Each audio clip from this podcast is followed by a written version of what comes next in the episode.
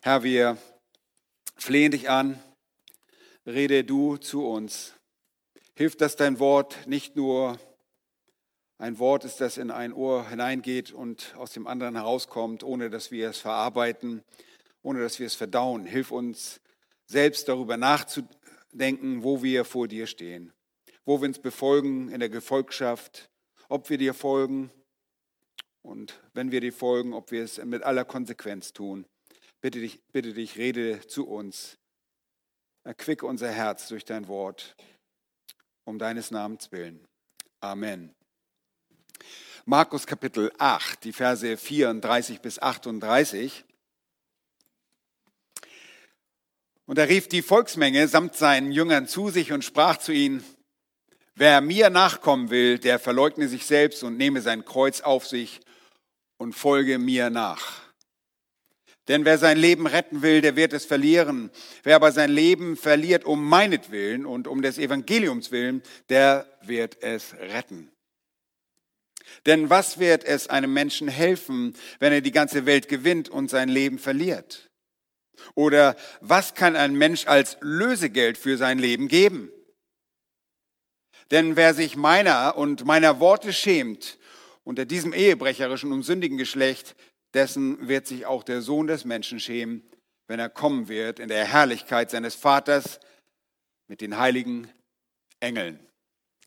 Soweit der Text. Nun, Jesus hat zu diesem Zeitpunkt den öffentlichen Dienst in Galiläa beendet, auch wenn er noch einige wenige Wochen dort in der Gegend verbringt und dort herumreisen wird, bevor es dann endgültig nach Jerusalem geht. Er befindet sich jetzt nur noch in der Gefolgschaft seiner vertrautesten Jünger. Erst wenige Wochen vorher hatten sich viele seiner Jünger, so erfahren wir aus dem Johannesevangelium, von Jesus getrennt. Sie zogen sich von ihm zurück. Ihnen war bereits seine Lehre schon zu hart und sie wollten die Dinge, die er ihnen dort in Johannes 6 erklärte, nicht glauben. Es war ihnen zu schwer. Und deshalb gingen sie nicht mehr mit ihm. Wie viel härter sollte das wahre Leben werden? Jesus hatte den Jüngern gerade offenbart, was sein Plan ist. Und in ihrer Kurzsichtigkeit vielleicht erinnert ihr euch noch daran, passte die Absicht ihres Meisters überhaupt nicht in ihre eigenen Pläne und Erwartungen. Und schon gar nicht war das etwas für den Christus, so meinten sie. Ihre Vorstellungen waren andere und Jesus muss sie darüber aufklären, dass nicht nur er selbst viel Leid und Tod erfahren sollte, sondern dass auch alle seine Nachfolger davon betroffen sein würden.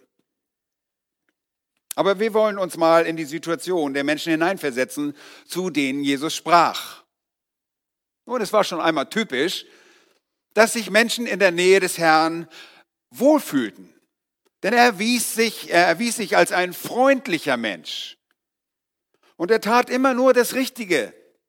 Und es muss wirklich so angenehm gewesen sein, einfach um ihn herum gewesen zu sein. Denn er war freundlich.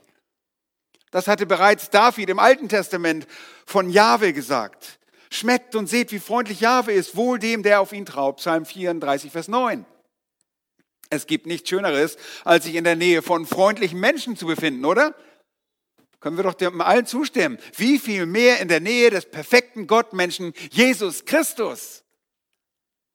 Aber bei aller Freundlichkeit entsprach das Leben Jesu dennoch nicht den Vorstellungen der Israeliten, denn er besitzt eben nicht nur Freundlichkeit, sondern er ist der Weg, die Wahrheit und das Leben. Und mit diesen Dingen konnten und können die meisten Menschen auch heutzutage nicht umgehen. Diese Dinge können Menschen der Finsternis nicht ertragen, denn das Licht der Wahrheit offenbart die Wege der Finsternis. Ihr Lieben, leider ist es für die meisten Menschen in dieser Welt die Wahrheit ein riesiger Anstoß. Und obwohl Jesus keiner Fliege etwas zu Leide tat und er nur gut war und ist, wurde sein Lebensstil und seine Lehre ein Ärgernis und Anstoß. Und an diesen Ereignissen zur Zeit Jesu können wir erkennen, dass es nicht gerade ein Spaziergang war und es auch heute nicht ist, ein Jünger Jesu zu sein. Das Ärgernis des Christus fällt auf seine Gemeinde, sein Leib, fällt auf seine Repräsentanten, fällt auf seine Jünger. Und um dieses Ärgernis abzuwenden und dem damit verbundenen Leid aus dem Wege zu gehen, machen Menschen heutzutage Kompromisse in ihrem Glauben. Und sie doktern an der Wahrheit herum. Sie verändern die Aussagen der Bibel oder sie ignorieren die Bibel völlig. Aber in Wirklichkeit müssen alle Menschen, die sich mit Christus, dem Herrn, identifizieren und in seiner Nachfolge stehen, bestimmte Kriterien erfüllen. Sie müssen glauben und sie müssen darauf vertrauen, dass das, was Jesus ist und lehrt, verkündet, zuverlässige Wahrheit ist, auf die jeder Mensch setzen muss. Das ist nicht nur eine Option. Das ist nicht nur zur Verschönerung deines Lebens. Es ist von größter Bedeutung und hat Ewigkeitswert. Nun, jeder muss seinen Glauben und sein Vertrauen auf Jesus setzen, egal was für den Glauben das Ergebnis sein wird. Und das Werden eines Jüngers gleicht nicht dem Erwerb eines Tickets für einen Trip in den Himmel oder in den Zoo. Jünger zu sein und errettet zu sein bedeutet Nachfolge. Ein Christ ist ein Nachfolger des Gesalbten, des Herrn Jesus Christus.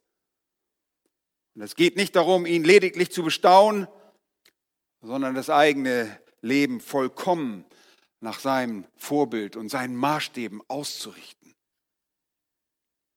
Ein Jünger Jesu zu werden und damit gerettet zu sein, geschieht nicht durch eine Drehung im Bett. Christus wirst, Christ wirst du nicht, indem du nur an irgendeiner religiösen Veranstaltung wohlige Gefühle anderen Christen gegenüber bekommst. Errettung ist nicht einmal nur das Fürwahrhalten der Worte Jesu Christi. Und selbst ein Übergabegebet zu sprechen oder einem sogenannten Altarruf zu folgen, macht dich nicht heilig. Das alles rettet dich nicht. Dein Kirchen- oder dein Gemeindebesuch macht dich nicht zu einem erlösten Kind Gottes. Es ist viel schwieriger als das. Ein Christ zu werden, ein Jünger zu werden, ist an Bedingungen geknüpft und bringt Verpflichtendes mit sich. Das wahre Christsein ist immer ein Leben in der Nachfolge Jesu. Auch wenn Jesus uns nicht physisch vorausläuft, so folgen wir doch seinen Worten. Wir folgen seinen Anweisungen, wir folgen seinen Geboten. Wir identifizieren uns vollkommen mit dem, wer er ist und was er gesagt hat und nehmen ihn als Herrn an, weil er der Herr ist. Und damit gehören wir ihm. Wir gehören ihm und wollen zu seiner Ehre leben. Und aus dem Grund beschäftigen sich Christen auch mit dem Wort des Christus und lassen das Wort des Christus reichlich in sich wohnen, lernen es auswendig. Wir meditieren, denken intensiv darüber nach um herauszufinden, wie wir seine Wahrheit und seine Maßstäbe in unserem Leben implementieren können, wie wir sie anwenden können. Bei all dem sehen tatsächliche Christen manchmal so aus, als wären sie Verlierer, die Loser des Lebens. So auch in Vers 35 wird es ausgedrückt, wer sein Leben verliert, um meinetwillen und um des Evangeliums willen, der wird es retten. Nach den Maßstäben der Welt verpassen wir das Leben. Obwohl das nicht der Realität entspricht. Sie sehen nur das, was vor Augen ist. Sie leben in dem Käfig des Naturalismus und sie können nur in diesem Käfig denken. Alles, was darüber ist, existiert für sie nicht. Sie können die Werte der Bibel, die geistlichen Werte nicht verstehen und deshalb erscheinen wir in ihren Augen als Verlierer. Manchmal denken wir sogar in den schwachen Stunden unseres Lebens, dass das Leben an uns vorbeigeht. Geht es euch nicht manchmal so? Aber das geschieht immer nur dann, wenn wir nicht klar denken. Wir sind als Kinder Gottes bereits Sieger. Wir sind Gewinner und besitzen die größte Garantie und den größten Lohn. Denn als Kinder Gottes werden wir den Herrn sehen. Und das ist mehr als nur eine Entschädigung für alle hiesigen Verluste oder Leiden. Aber das Leben, wie es uns sich als Menschen darstellt, bringt tatsächlich auch Herausforderungen für uns. Warum ist das so?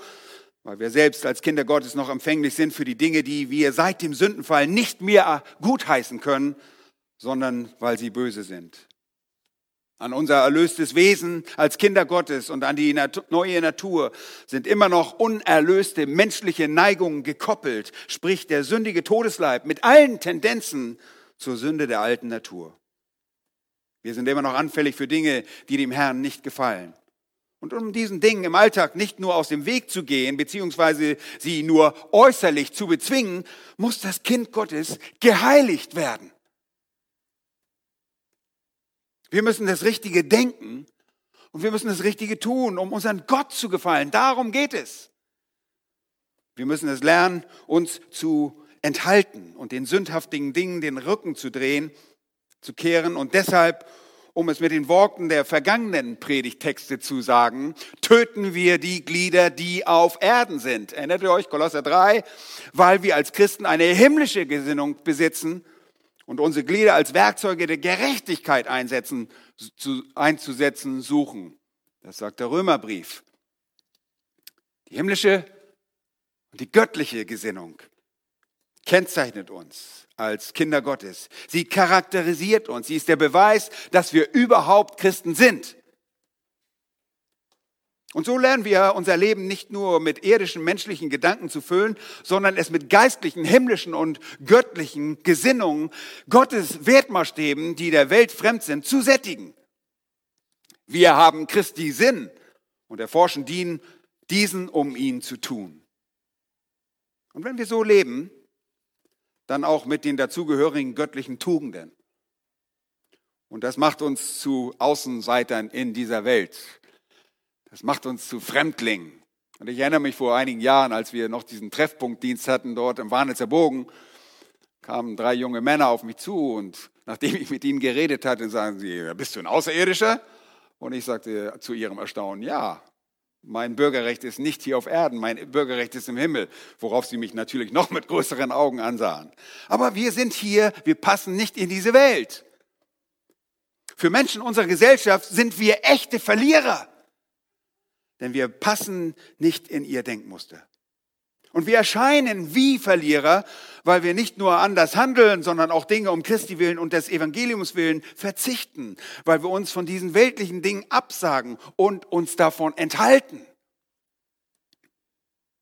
Tatsächlich sind wir aber, und dem Herrn sei Dank, der Maßstab für Wahrheit ist Gott und nicht die Gesellschaft, Tatsächlich sind wir als Kinder Gottes die Gewinner des Lebens und wir werden eines Tages sogar öffentlich allen offenbar an der Seite des Herrn triumphieren.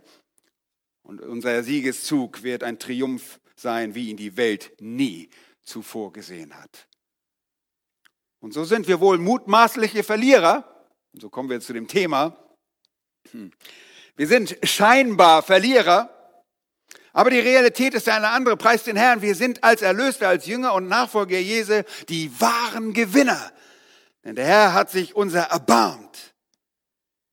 Es ist nicht, als hätten wir uns das aufgrund unserer Handlung verdient. Nein, es ist sein Verdienst durch sein Leben und durch seinen Tod und aufgrund seiner für uns erworbenen Gerechtigkeit, dass wir als Gerettete ein Leben besitzen, das in der Herrlichkeit Gottes mündet. Diese Wahrheiten des Heils zu vergessen, macht uns vielleicht manchmal zu sehr törichten Christen. Diese Wahrheiten überhaupt nicht zu akzeptieren, entlarvt uns als Scheinchristen, die in Wirklichkeit nicht der Nachfolge stehen und immer noch die Rettung brauchen. Ja, leider sind wir alle manchmal glaubensschwach denn wenn wir uns unsere Zukunft in der Heiligen Schrift ansehen, dann stellen wir fest, dass es keinen Grund auf dieser Erde gibt, nicht einen einzigen Grund, überhaupt traurig zu sein oder deprimiert zu sein. Es gibt nichts. Nur die eigene Schwäche lässt uns manchmal mit gesenktem Haupte leben. Und in diesem Sinne wollen wir diesen Text im Markus Evangelium betrachten. Wir schauen uns an fünf Merkmale eines vermeintlichen Verlierers, eines mutmaßlichen, eines scheinbaren Verlierers. Das entspricht nicht der Realität. Zweiter Teil. Tatsächlich sind wir aber Gewinner und reicht es aus, der tatsächlich als Gewinner triumphieren wird, nicht nur kann. Das ist nicht nur eine Möglichkeit, sondern wir werden triumphieren. Und diese Merkmale sind ein Indiz und ein Indiz dafür, ob du bereits ein Nachfolger Jesu bist oder ob du noch Errettung brauchst. Deshalb prüfe dich selbst. Erstens, das Erste, er, dieser vermeintliche Verlierer, der Nachfolger, der Jünger, der Christ, ist einsichtig, verzichtet einsichtig auf den trügerischen Selbstwillen. Verse 34 und 35. Er verzichtet einsichtig auf den trügerischen Selbstwillen. Da heißt es in Vers 34 und 35, ich lese nochmals, und er rief die Volksmenge samt seinen Jüngern zu sich und sprach zu ihnen, wer mir nachkommen soll, der verleugne sich selbst und nehme sein Kreuz auf sich und folge mir nach. Denn wer sein Leben retten will, der wird es verlieren. Wer aber sein Leben verliert um meinetwillen und um des Evangeliums willen, der wird es retten. Wer also Jesus nachfolgt, der wird auf diese Fordernisse Jesu eingehen. Der Verzicht eines Jüngers ist ein aktives Verleugnen seiner selbst. Es ist ein Verleugnen des Selbstlebens, die Aufgabe des Ichs und das Ende des gottautonomen Denkens und Lebens. Wir denken nicht mehr von Gott losgelöst. Nicht ich selbst bestimme, was recht ist. Nicht ich gebe vor, was richtig oder falsch ist. Es ist nicht das Ich, es ist Christus, der Sohn Gottes, der mein Leben ist, wenn ich nachfolge.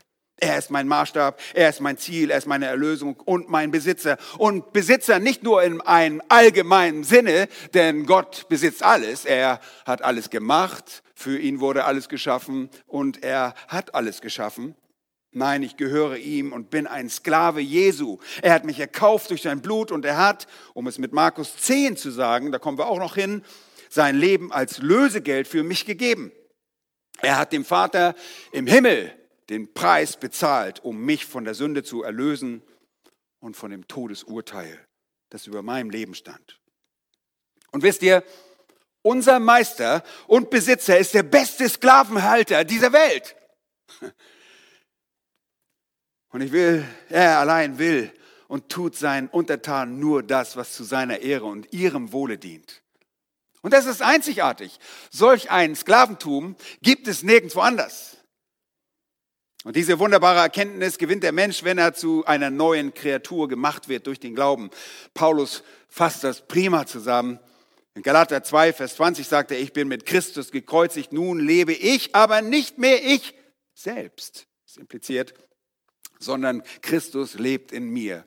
Was ich jetzt aber im Fleisch lebe, das lebe ich im Glauben an den Sohn Gottes, der mich geliebt und sich selbst für mich hingegeben hat. Und so verleugne ich als ein Nachfolger, als jemand, der Jesus direkt nachfolgt, seine Wertmaßstäbe angenommen hat, der ihm vertraut, der das ganze Leben auf ihn baut, vertraue ich und verleugne ich nicht mehr mir selbst, ich, ich verleugne mich selbst, mein eigenes Ich als jemand, der eine Neuschöpfung ist, aber in dieser Neuschöpfung noch auf die Erlösung von dem Todesleib der Sünde hoffe und warte. Diese Erlösung äh, steht unmittelbar bevor. Lass mich kurz sagen, es gibt drei ja, Zeiten der Erlösung. Es gab eine vergangene Erlösung dort am Kreuz, bin ich der Sünde gestorben, mit Christus gekreuzigt worden vor 2000 Jahren. Die gegenwärtige Erlösung ist ein von dem sündigen Handeln in der Heiligung, wo ich erlöst werde, konstant erlöst werde, um nicht zu tun, was ich will, sondern ich lebe, was er will. Und drittens, ich werde künftig erlöst. Das ist vollkommen verherrlicht und komplett frei von der Gegenwart der Sünde sein, wenn wir bei ihm sind und verherrlicht werden. Und mit unserem Bräutigam vereint sind. Nun, in der Zwischenzeit werde ich bis zu der künftigen Lösung durch meinen physischen Tod oder die Errettung mich selbst verleugnen, mich ihm, dem Retter, unterstellen. Das ist Selbstverleugnung. Und ich strebe danach, Dinge nicht zu denken und nicht zu tun, die mir mein Fleisch diktieren möchte, sondern ich sage meinem Geist und Körper, dass ich dem nicht nachgehe.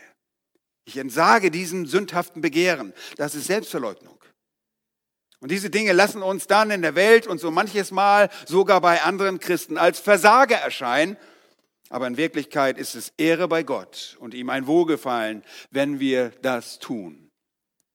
Diese Selbstverleugnungen sind Dinge, die uns das wahre Leben und den künftigen Triumph garantieren. Diese Selbstverleugnungen sind für Kinder Gottes typisch. Sie charakterisieren uns als Kinder Gottes. Wahre Jünger hören auf ihren Meister und nicht auf das Begehren des eigenen Fleisches.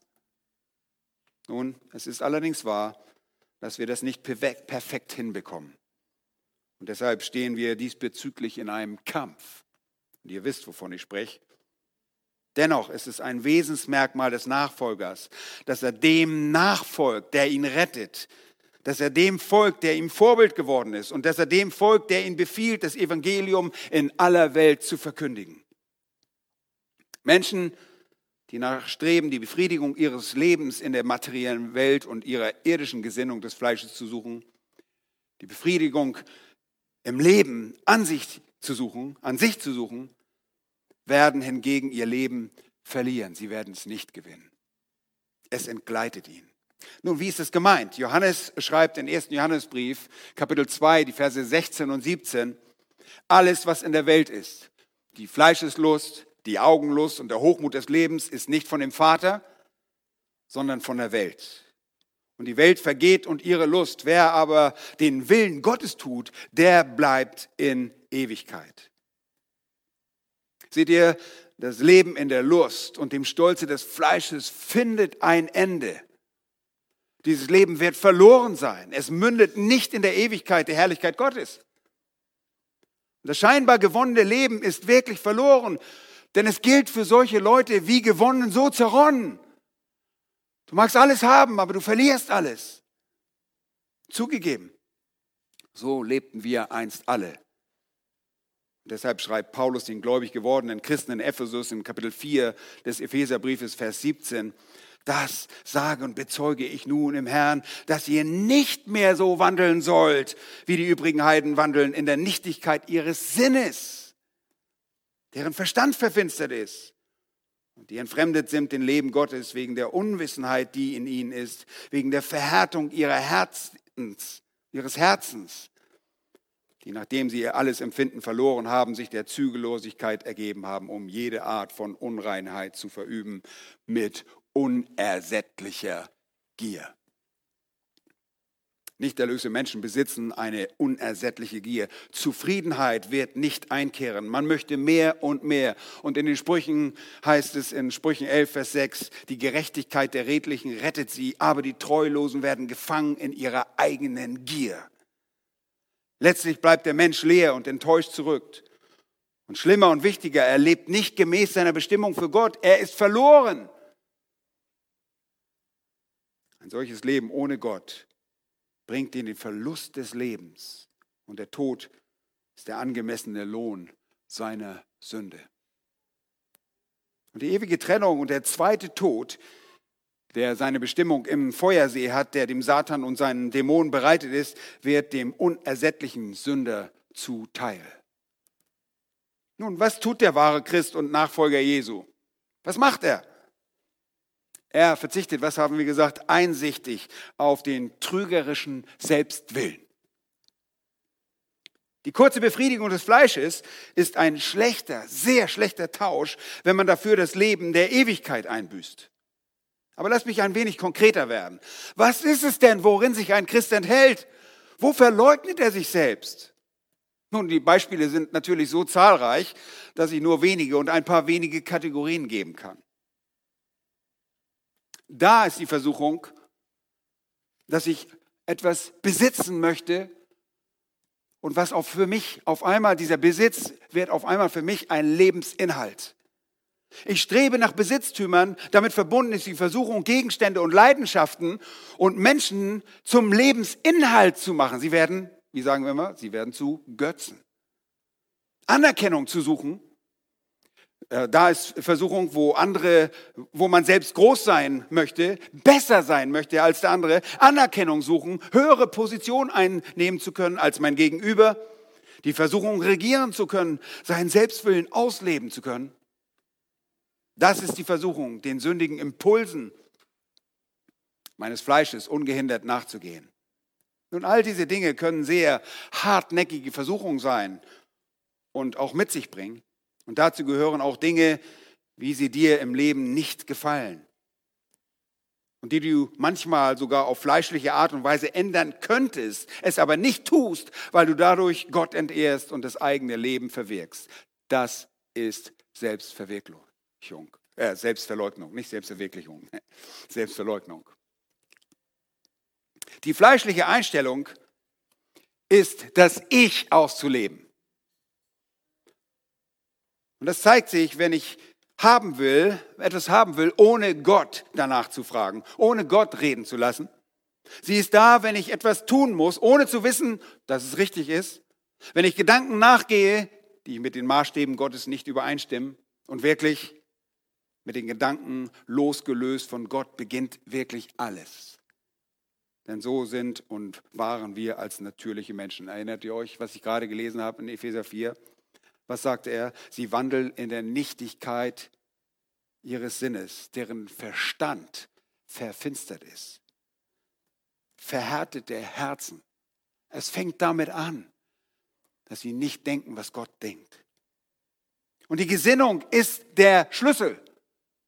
Gott hat einem Christen eine neue Gesinnung gegeben und hat dem Menschen seines Wohlwollens Erkenntnis geschenkt. Wir sagen sogar, er ist zur Erkenntnis der Wahrheit gekommen. Und so muss er, als, muss er als Nachfolger in seinem Wandeln auch in dieser Wahrheit bleiben. Nicht nur zur Erkenntnis kommen, sondern in der Wahrheit bleiben und diese Wahrheiten anwenden. Ständig die Gedanken erneuern, denn das, was der Mensch denkt, das lebt er. Und das ist unser Kampf. Der Kampf der Gesinnung, der Kampf um die Wahrheit und deren Anwendung in unserem Leben. Und ich beobachte diesen Kampf in meinem Leben viele Jahre. Und in vielen Bereichen bin ich mir meiner Gedanken sehr bewusst und ich kann diese auch immer sehr gut beherrschen. In anderen Bereichen bleibe ich anfällig und dort werden Kämpfe ausgetragen, die gegen das eigene Fleisch stattfinden. Manchmal fallen wir deshalb in diesen Kämpfen. Und wenn das so ist, dann haben wir versagt und gesündigt, weil wir uns nicht selbst verleugnet haben. Diese Selbstverleugnung muss geübt werden und ist ein Kennzeichen eines jeden Jüngers.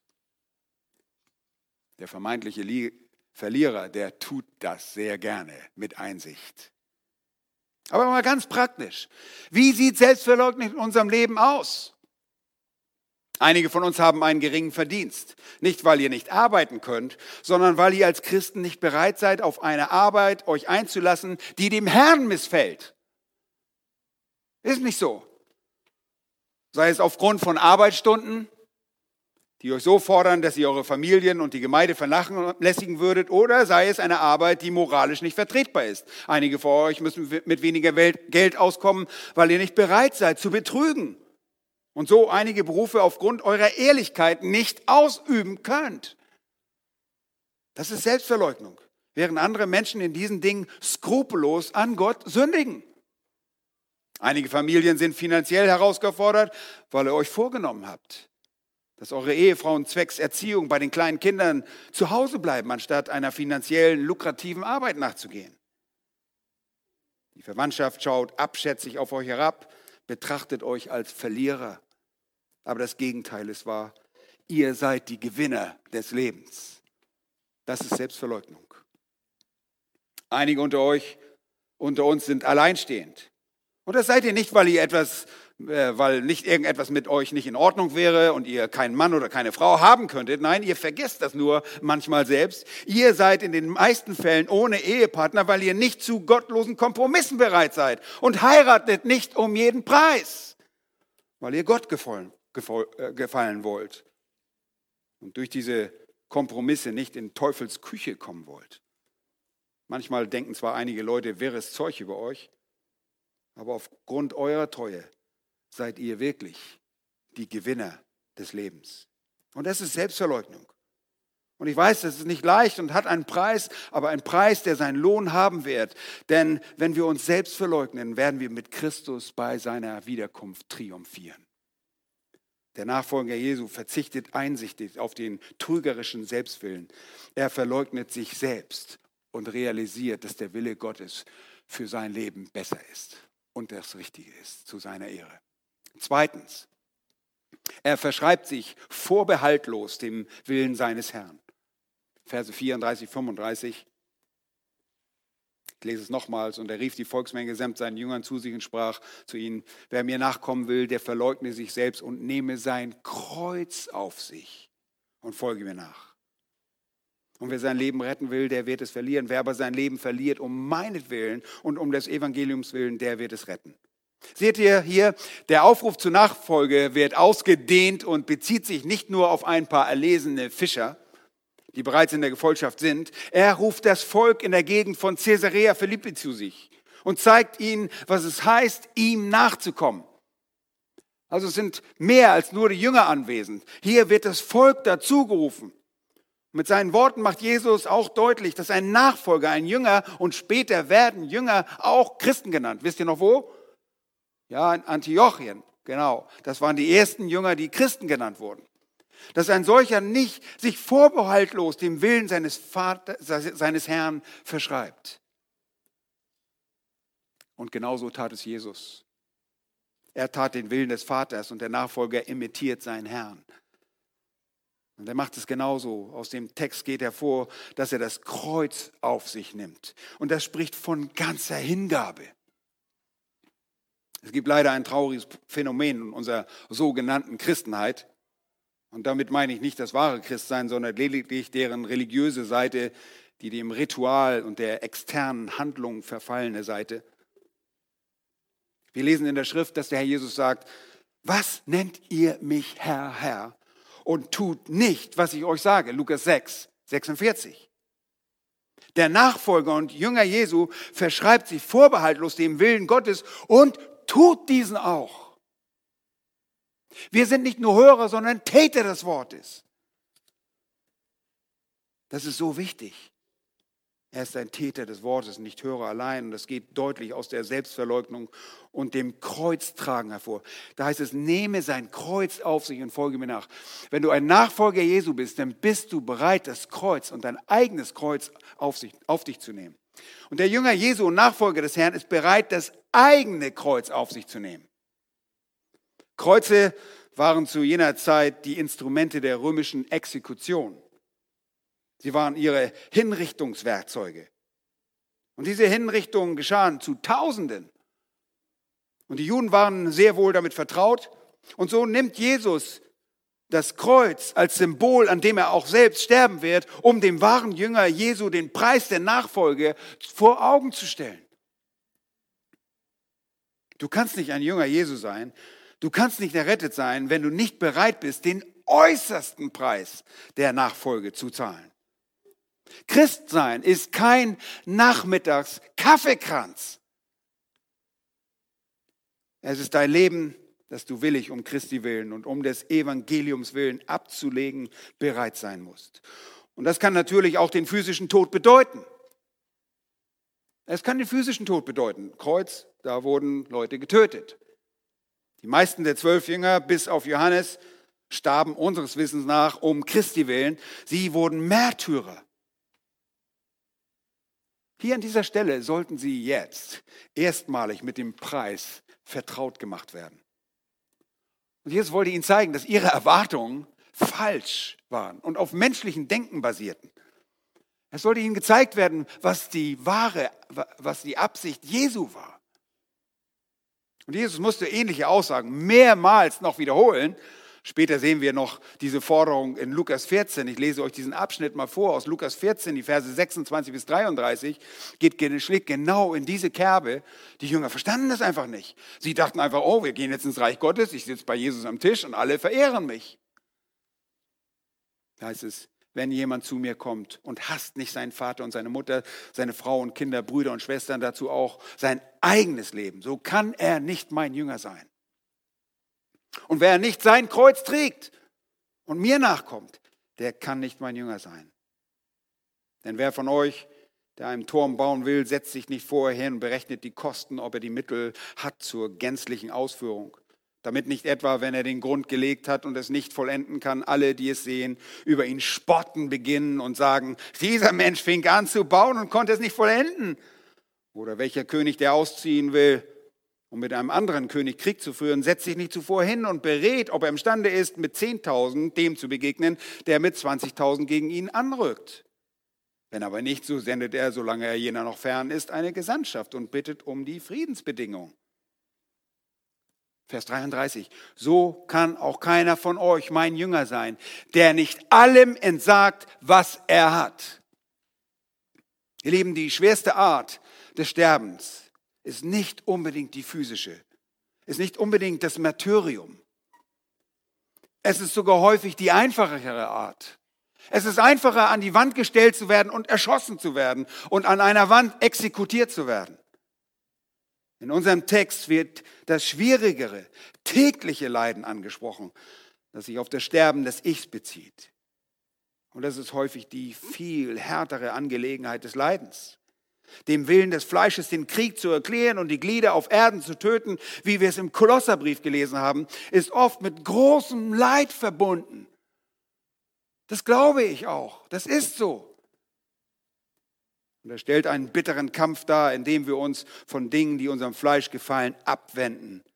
Aber genau dazu ruft Jesus hier auf, sich dem Willen des Herrn vorbehaltlos zu verschreiben.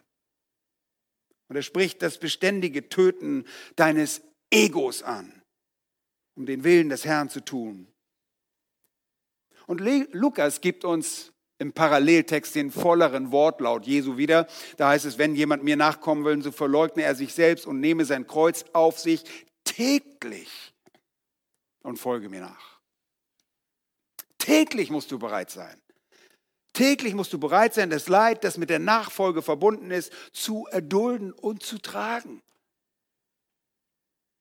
Und vielleicht wirst du verspottet, verlästert, ausgegrenzt, gemobbt um Christi willen natürlich alles, benachteiligt, ignoriert. Du befindest dich aufgrund deiner Nachfolge und deines Glaubens um des Evangeliums willen in einem, menschlich betrachtet, Nachteil. Und du kannst Dinge nicht erreichen und dein Leben scheint dir unter den Händen zu entgleiten. Habt ihr nicht manchmal den Eindruck, ich erreiche ja gar nichts mit meinem Leben? Wenn das so ist, dann denke daran, dass wenn du diese Dinge willig um Christi willen und seines Evangeliums willens erduldest, du in Wirklichkeit was bist? Nicht der Verlierer, sondern der Gewinner. Du bist der Gewinner. Bitte glaube dem Herrn. Glaube dem Herrn. Ich sag's nochmal, glaube dem Herrn. Und das ist nicht eine Erfindung und stammt nicht aus der Ideenlandschaft der Bibelgemeinde Berlin-Pastoren, das ist etwas, was in der Bibel steht. Wir müssen ihm glauben. Ohne Glauben aber ist es unmöglich, ihm wohl zu gefallen. Denn wer zu Gott kommt, muss glauben, dass er ist und dass er was? Die belohnen wird, welche ihn suchen. Es gibt einen Lohn. Und wenn du jetzt wie ein Verlierer aussiehst, weil du gehorsam bist, weil du dich selbst verleugnest, dann sei dir gewiss, es ist ein Lohn da und du wirst triumphieren. Er wird dich belohnen mit einem Leben in der Herrlichkeit und Gegenwart Gottes. Und dann, wenn er kommt, wir werden dabei sein in der Offenbarung 19, Vers 14 oder Sacharja 14 äh, und Vers 5, wenn der Herr kommen wird mit all seinen Heiligen, mit all seinen Engeln. Das kann auch Boten bedeuten, aber die Engel werden sicherlich auch dabei sein. Aber wir werden dabei sein wenn er auf einem weißen Pferd und seine ganze, das ganze himmlische Heer in der Gefolgschaft ist, wir sind dabei. Und Leute, wir sagen, wow, die Christen aus der Bibelgemeinde sind dabei. Und wir werden verherrlicht werden. Nun, die von den Römern verurteilten Verbrecher mussten häufig das Instrument ihrer Hinrichtung selbst tragen. Und Jesus war nach seiner Misshandlung oft offenbar zu schwach. Und so heißt es, als sie aber hinauszogen, fanden sie einen Mann von Kyrene namens Simon den zwangen sie, ihm das Kreuz zu tragen. Für das Tragen deines Leides sollst du bereit sein. Nehme es als eine Gnade vom Herrn an. Das sagt äh, Paulus in Philippa Kapitel 1, dass es eine Gnade ist, für ihn zu leiden. Da muss man manchmal zweimal lesen. Das steht da. Das steht da tatsächlich. Das Tragen des Kreuzes wurde zum Sprichwort für das Erdulden von Leid aber Jesus führte es zum Tod. Es beinhaltet den Gedanken, das Leid willig zu ertragen und letztlich bereit zu sein, für Christus das eigene Leben zu geben und dem Ich zu sterben. Deshalb beten wir auch, dein Wille geschehe. wie im Himmel, so auch auf Erden. Dein Wille geschehe. Ihr Lieben, immer dann, wenn dein Leben um Jesu Wille zu weichen scheint, wirst du der Gewinner sein. Du kannst nicht verlieren, wenn du ihm gehorsam bist. Dein Verlust ist Gewinn. Und noch etwas zum Trost. Bei allem Leid, das sich durch deinen Gehorsam ergibt, sind wir von ihm nicht verlassen. Und ist es nicht wunderbar, dass wir auch einander haben? Dass wir einander die Lasten tragen können? Wie heißt es da in Galater 6? Einer trage des anderen Last. So sollt ihr das Gesetz des Christus erfüllen. Galater 6, 2. Lasst uns das praktizieren und nicht nur auf uns selbst sehen. Lasst uns auf das sehen, was in Philippa 2 steht, wo es heißt, tut nichts aus Selbstsucht oder nichtigen Ehrgeiz, sondern in Demut achte einer den anderen höher als sich selbst. Jeder schaue nicht nur auf das Seine, sondern jeder auf das des anderen. Kennst du die Lasten deines Bruders und deiner Schwester? Trage sie mit. Nun, der Nachfolger Jesu verschreibt sich vorbehaltlos dem Willen seines Herrn. Drittens, er, der Nachfolger, der, Vermut, der mutmaßliche Verlierer, versteht die Nutzlosigkeit vergänglicher Gewinne. Er versteht die Nutzlosigkeit vergänglicher Gewinne. Vers 36. Denn was wird es einem Menschen helfen, wenn er die ganze Welt gewinnt und sein Leben verliert? Diese für uns Christen offensichtlich rhetorische Frage beantworten wir schnell mit nichts. Ein materieller Gewinn, deine Ehre und jedes erdenkliche Errungenschaft nützt dir in Hinsicht auf ewiges Leben nichts. Es ist ein schlechter Tausch. Wenn du alles besitzen würdest, heute Morgen aus einer goldenen Tasse getrunken, trinken konntest, aus einem Schloss angereist wärst und heute Nachmittag zum Gottesdienst aus einem roten Ferrari 488 steigen konntest und wenn du doch Schaden nehmen würdest an deiner Seele, es nützt gar nichts. Die ganze Welt steht hier, Gewinn, ist natürlich nur hypothetisch, kein Mensch kann das. Aber diese Richtung wollen viele Leute einschlagen. Sie tun so, als wollen sie die ganze Welt gehören, als soll ihnen die ganze Welt gehören. Es nützt dir nichts, gar nichts nützt dir das. Du kannst alles gewinnen und dir ein bequemes Leben machen, aber doch Schaden nehmen, denn du verlierst dein Leben wenn dir das Sterben zum Le äh, dieses Streben nach, nach Dingen zum Lebensziel, zum Götzen geworden ist. Ich sage gar nicht, dass ihr nichts haben dürft und auch ein schönes Auto fahren dürft. Habe ich doch gar nichts dagegen. Aber wenn das euer Lebensinhalt ist, dann verliert ihr alles. Wenn ihr nicht Jesus Christus als Lebensinhalt habt.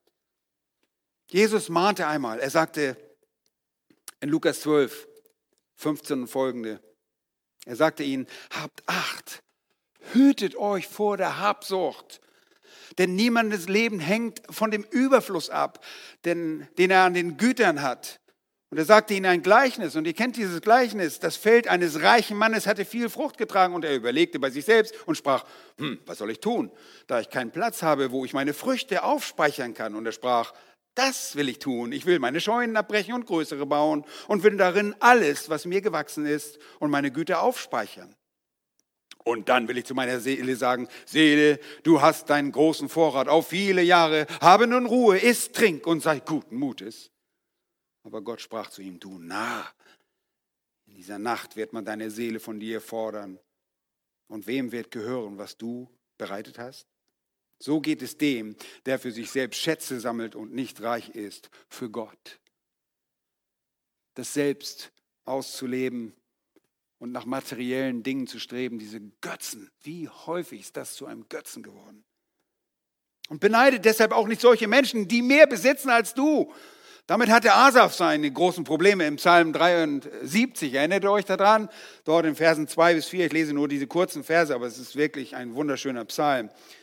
Da sagt ich aber wäre fast gestrauchelt mit meinen Füßen. Wie leicht hätte ich einen Fehltritt getragen. Denn ich beneidete die Übermütigen, als ich das Wohlergehen der Gottlosen sah denn sie leiden keine Qual bis zu ihrem Tod und ihr Leib ist wohl genährt. Komm niemals in diese Gefahr. Du als der vermeintliche, augenscheinliche, scheinbare, mutmaßliche Verlierer bist der Gewinner. Wir haben als Kinder Gottes neue Maßstäbe und wir investieren in ein himmlisches Konto. Paulus selbst sagt, was mir Gewinn war, das habe ich um Christi willen für Schaden geachtet. Alle seine Errungenschaften, die zählt er nichts. Das war alles nichts wert.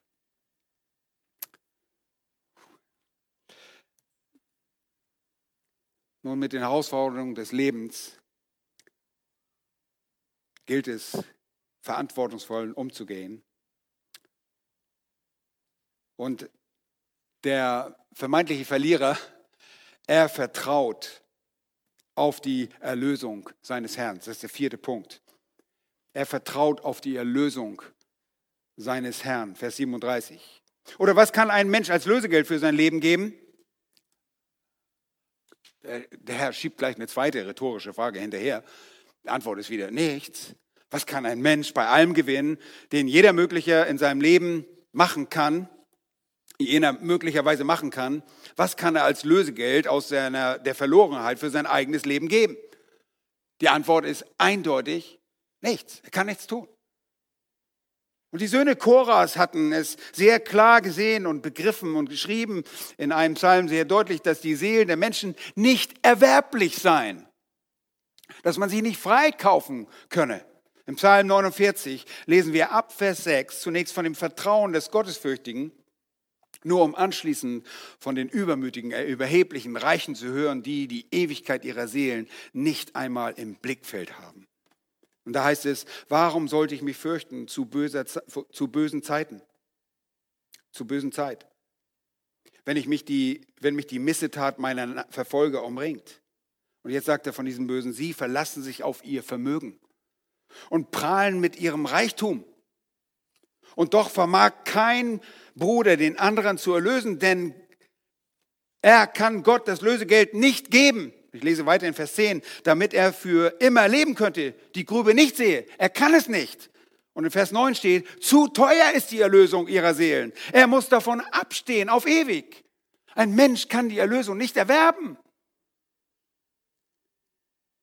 Das, lest es mal durch, wenn ihr Zeit habt. Ich, hab, ich überspringe das mal. Das Leben, von dem hier gesprochen wird, äh, ist das ewige Leben und lässt sich nicht durch irgendwelche finanziellen Mittel erwerben. Gottes Forderung liegt auf einer anderen, unerreichbaren Ebene. Gottes Forderung liegt auf einer von den Menschen unerreichbaren Ebene. Das ist die Ebene der Vollkommenheit und das ist die Ebene perfekter Heiligkeit. Nur der Sohn Gottes vermochte dieses Lösegeld zu zahlen was durch sein einzigartiges, heiliges Leben und seinen stellvertretenden Tod für Sünder geschah, als er dadurch die an ihn glaubenden Menschen erlöste. Und so fährt Markus weiter in Kapitel 10 und dann Vers 45 sagt er auch, auch das Menschensohn ist nicht gekommen, äh, um sich dienen zu lassen, sondern um zu dienen und sein, Löse, sein Leben als Lösegeld zu geben für viele. Wie wunderbar, dass der Herr konnte dieses Lösegeld zahlen. Und er gab es. Und aus der Finsternis des Lebens errettet er uns. Dem physischen Tod hat er die Macht genommen und das Leid des zweiten Todes für uns weggenommen. Er machte uns zu Nachfolgern, zu Jüngern und mehr noch, er machte uns zu Überwindern, ein Begriff, den Johannes sehr liebt in der Offenbarung. Und da sagte Johannes in Offenbarung 2, wer ein Ohr hat, der höre, was der Geist den Gemeinden sagt. Wer überwindet, dem wird kein Leid geschehen von dem zweiten Tod. Es gibt kein Leid mehr, denn er hat uns erlöst. Er hat uns frei gekauft mit seinem eigenen Blut. Nun, was ist für die erlösten, erkauften Seelen die logische Konsequenz? Was ist logisch? Was allein macht im Lichte der Barmherzigkeiten Gottes für uns als Nachfolger Sinn? Ist es angemessen, sich für den Retter zu schämen? Natürlich nicht. Ist es angemessen, sich für seine Botschaft zu schämen? Nein, ist es auch nicht. Der vermeintliche Verlierer, der tatsächliche Gewinner wird triumphieren und er vertritt fünftens seinen Herrn ohne Zurückhaltung. Er vertritt seinen Herrn ohne Zurückhaltung. Da heißt es, Vers 38, denn während sich meiner und meiner Worte schämt unter dessen ehebrecherischen und sündigen Geschlecht, dessen wird sich auch der Sohn des Menschen schämen, wenn er kommen wird in der Herrlichkeit seines Vaters mit, seinen, mit den heiligen Engeln. Hier wird es negativ ausgedrückt. Was hier so negativ ausgedrückt ist, genau das, was sich in den Reihen des Volkes Israel zugetragen hatte.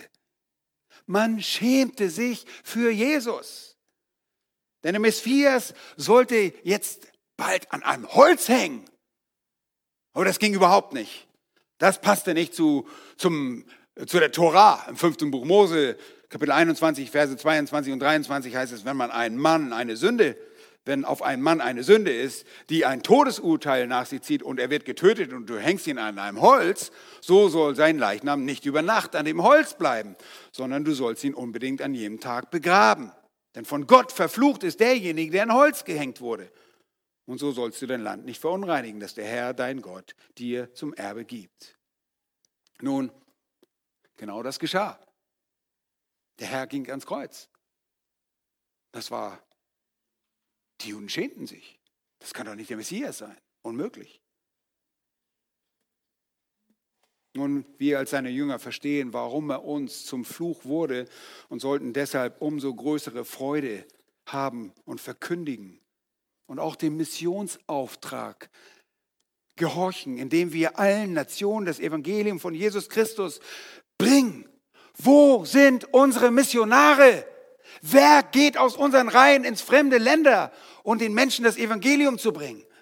Warum verleugnen wir uns nicht? Was ist los? Wer wird dafür ein vermeintlicher Verlierer werden und letztlich doch als Triumphierer, Gewinner hervorgehen, indem er das Evangelium in fremde Länder bringt? Wir brauchen Missionare. Wenn du nicht gehst, was trägst du dazu bei, dass Boten gehen können? Oh, Paulus schämte sich nicht.